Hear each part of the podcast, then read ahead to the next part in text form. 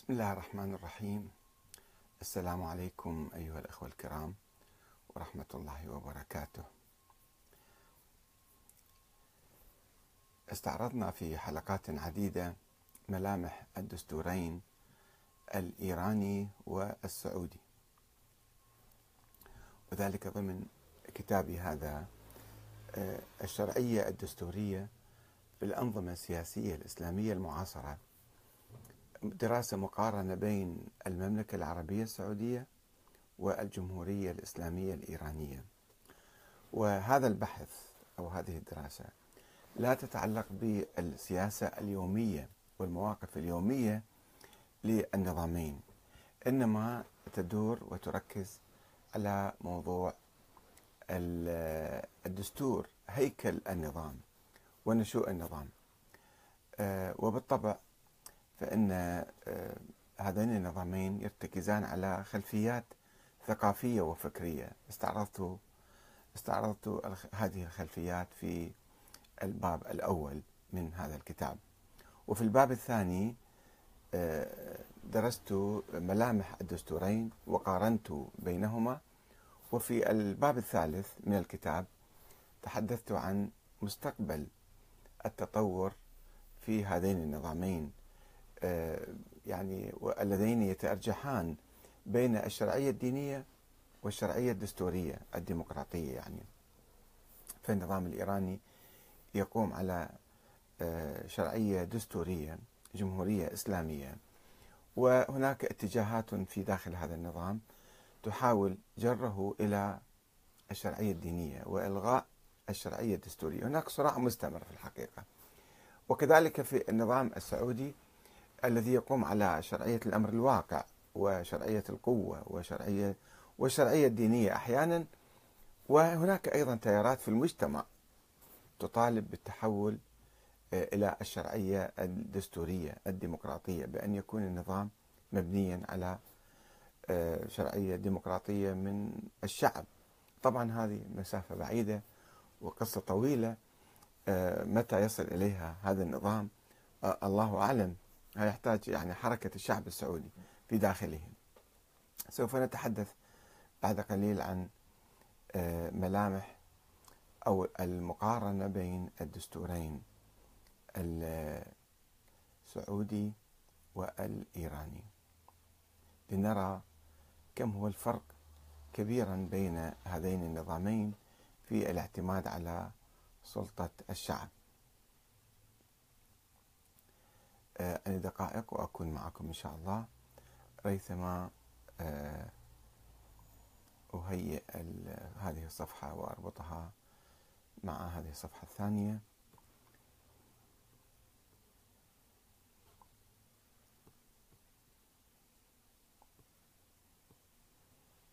سأكون معكم قريبا إن شاء الله.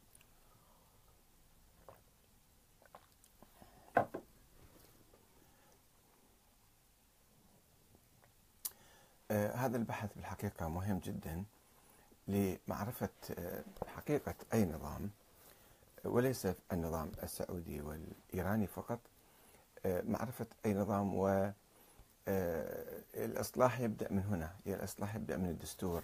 إصلاح أي نظام سياسي لا يعني يبدأ من الجزئيات الفرعية والصغيرة والسياسة اليومية إنما يجب أن يبنى يعني هو هيكل النظام الدستور هو هيكل النظام. فإذا كان هيكل صحيحا سوف ينتج مواقف صحيحة وسياسات صحيحة.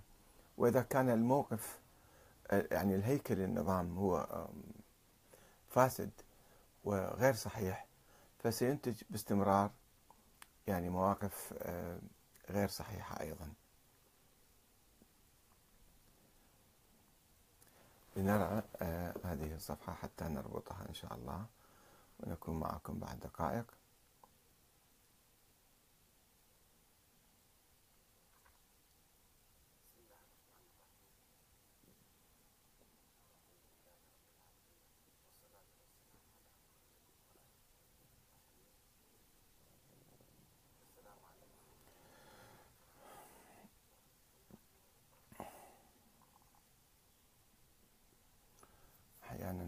النت يكون ضعيف فيشكل قليلا وبالتالي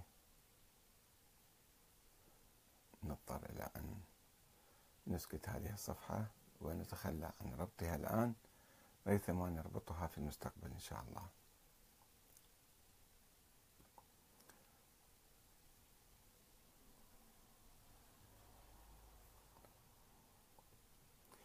آه نعم. فموضوع آه، الحلقة هذا اليوم هو مقارنة بين الدستورين الإيراني والسعودي. وكما قلت تحدثنا في حلقات سابقة عن الدستور الإيراني والدستور السعودي. السعودي دستور ملكي مطلق والنظام الإيراني جمهوري إسلامي. آه، يقوم يعني آه، متقدم جدا في الحقيقة ولكن لا يخلو من ثغرات. الدستور الإيراني ليس مثاليا وهو قابل للإصلاح. والتغيير أيضا. وهناك حركات شعبية تحاول تطوير هذا الدستور بين كل جيل وجيل يمكن يقومون بعملية آه، إعادة نظر في الدستور وهو مفتوح للتطور. آه، عند المقارنة بين الفكرين السياسيين الشيعي الإيراني والسني السعودي نعثر على مفارقة كبيرة تتمثل في تطور الفكر الشيعي المعروف الفكر الشيعي المعروف بقيامه على أساس الشرعية الدينية ونظرية الإمامة الإلهية وحتى المرجعية الدينية. ولكن هذا الفكر تطور في المئة سنة الأخيرة نحو مرحلة متقدمة من الشرعية الدستورية. على العكس من الفكر السياسي السعودي المعروف بانتمائه للفكر السني القائم تاريخيا على نظرية الشورى والاختيار وأهل الحل والعقد أو ما يشابه إلى حد كبير الشرعية الدستورية في الفكر السياسي السني القديم. ولكن هذا النظام يسير بالعكس وسيره بصورة معاكسة نحو الشرعية الدينية. القائمة على وجوب طاعة ولي الأمر طاعة دينية بغض النظر عن طريقة استيلائه على السلطة هذه مسألة يغمضون النظر عنها ولا يبحثونها ورغم الملاحظات التي قدمناها على الدستور الإيراني في الصفحات الماضية أو الحلقات الماضية بالأحرى فإنه يبقى خارج القياس مع الأنظمة الثلاثة أو ما يسمى بالدستور السعودي ويتمثل الاختلاف بينهما في النقاط التالية.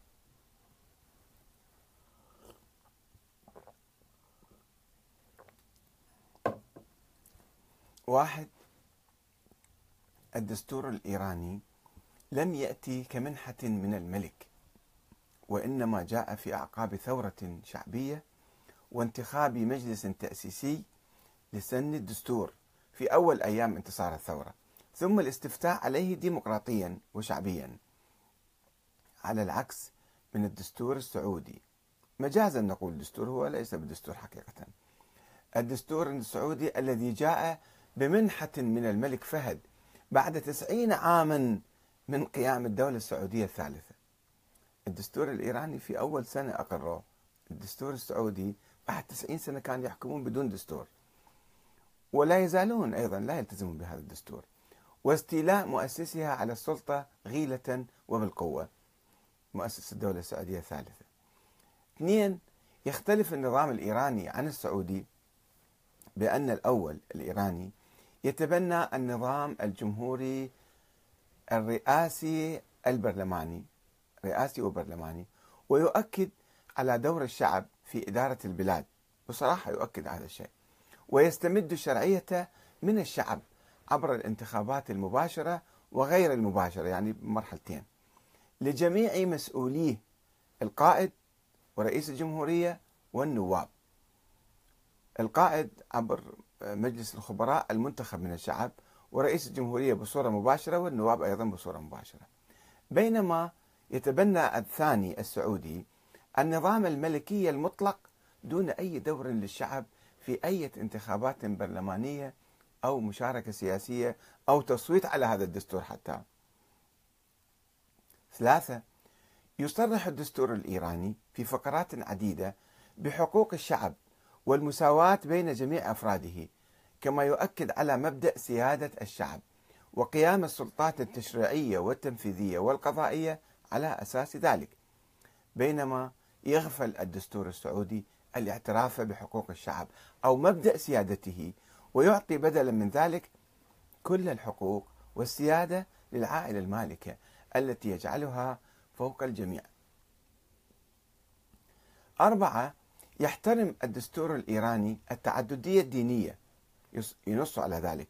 ويعترف بالأقليات المختلفة في البلاد كالزرادشت واليهود والمسيحيين الأشوريين والكلدانيين والأرمن فضلا عن أهل السنة. ويعطيها الحق في انتخاب ممثلين عنها في مجلس الشورى. على العكس من الدستور السعودي الذي لا يشير إلى التعددية الطائفية في السعودية ويترك المجال واسعا أمام فتاوى التكفير والتضليل التي تصدرها المؤسسة الدينية الرسمية الوهابية بحق الشيعة الاثني عشرية والإسماعيلية والصوفية وحتى الأشاعرة من أهل السنة. خمسة ينص الدستور الإيراني بصراحة على الحريات والحقوق العامة كحرية العقيدة والتعبير والصحافة والتجمع والعمل السياسي والأمر بالمعروف والنهي عن المنكر وتشكيل الأحزاب والجمعيات والاتحادات المهنية والهيئات الإسلامية بينما يغفل الدستور السعودي كل ذلك أو يحصر العملية السياسية والأمر بالمعروف والنهي عن المنكر بيد الحكومة وأجهزتها البوليسية. ستة يساوي الدستور الإيراني بين الرجل والمرأة حيث يؤكد في المادة الثالثة الفقرة 14 على ضمان الحقوق الشاملة للجميع نساء ورجالا ومساواتهم أمام القانون. وينص في المادة 20 و 21 على تأمين حقوق المرأة في كافة المجالات وعلى تمتع المرأة كالرجل بصورة متساوية بحماية القانون وجميع الحقوق الإنسانية والسياسية والاقتصادية والاجتماعية والثقافية ضمن الموازين الإسلامية. بينما يحرم يحرم الدستور السعودي أو يحرم الدستور السعودي المرأة من أبسط حقوقها. سبعة يضمن الدستور الإيراني الحصانة للنواب المنتخبين من الشعب في التعبير عن آرائهم وقيامهم بمسؤولياتهم في مراقبة المسؤولين ومحاسبتهم وإعطائهم الثقة أو سحبها عنهم بمن فيهم رئيس الجمهورية. وتولي التدقيق والتحقيق في جميع شؤون البلاد والمصادقة على المواثيق والعقود والمعاهدات والاتفاقيات الدولية بينما يكتفي الدستور السعودي بتعيين أعضاء مجلس الشورى تعيينهم واعتبارهم موظفين في الدولة بدون حقوق سياسية أو قدرة على طرح أي قانون أو محاسبة أي مسؤول وذلك لأنهم ليسوا منتخبين من الشعب ولا يعبرون عن رأيه وسيادته. ثمانية ينص الدستور الإيراني على انتخاب رئيس السلطة التنفيذية يعني رئيس الجمهورية لمدة محددة أربع سنوات وضرورة حصول الوزراء على ثقة مجلس الشورى لأنه يعتبر مناصب الدولة مسؤولية وليس شرفا بينما يعطي الدستور السعودي الحق للملك أن يحكم إلى ما يشاء وأن يعين من الوزراء كيفما يشاء وأن يواصل الوزراء والأمراء وأمراء المناطق مهامهم مدى الحياة بلا محاسبة وكأنها حقوق وراثية لهم وليست مسؤوليات وطنية.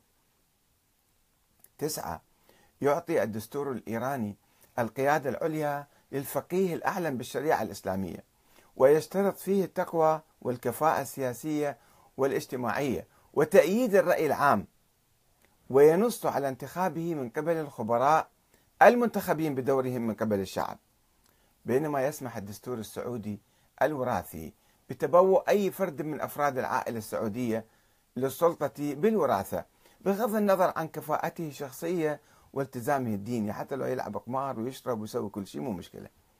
ولا يشترط رضا الشعب عليه أو المشاركة في انتخابه بواسطة مباشرة أو غير مباشرة. ومع ذلك يوجب بيعته والتسليم له من الجميع. عشرة. يعتبر الدستور الإيراني القائد ورئيس الجمهورية وجميع المسؤولين متساوين مع كل أفراد البلاد أمام القانون حتى القائد. ويطالب القضاء بإحصاء أموال كل مسؤول قبل وبعد تحمله المسؤولية. بينما يعطي الدستور السعودي الملوك والحكام من آل سعود حصانة فوق القانون ولا يسمح بمحاكمتهم أو نقدهم. فضلا عن مراقبة أموالهم أو ثرواتهم. أحد عشر. يتحدث الدستور السعودي الإيراني عن حالة عجز القائد أو فقده لشروط القيادة. في كلام عن الموضوع. وكيفية استبداله وتغييره. بينما يغفل الدستور السعودي ذلك ويسمح ببقاء الملك في سدة العرش حتى لو أصبح عاجزا مشلولا لسنوات طويلة كما رأينا بعض الملوك. 12 يترك الدستور الإيراني مساحة حرة واسعة لرجال الدين والمرجعية الدينية القائمة على انتخاب الشعب وتعدديتها. ولا يسمح بسيطرة الدولة على عملية الاجتهاد وإصدار الفتاوى من قبل الفقهاء حتى خارج إطار الدولة أو بالضد منها. كما أنه لا يحصر عملية الاجتهاد والفتوى في مؤسسة دينية خاضعة للدولة. على العكس من النظام السعودي الذي عمل منذ بداية تكونه على حصر عملية الفتوى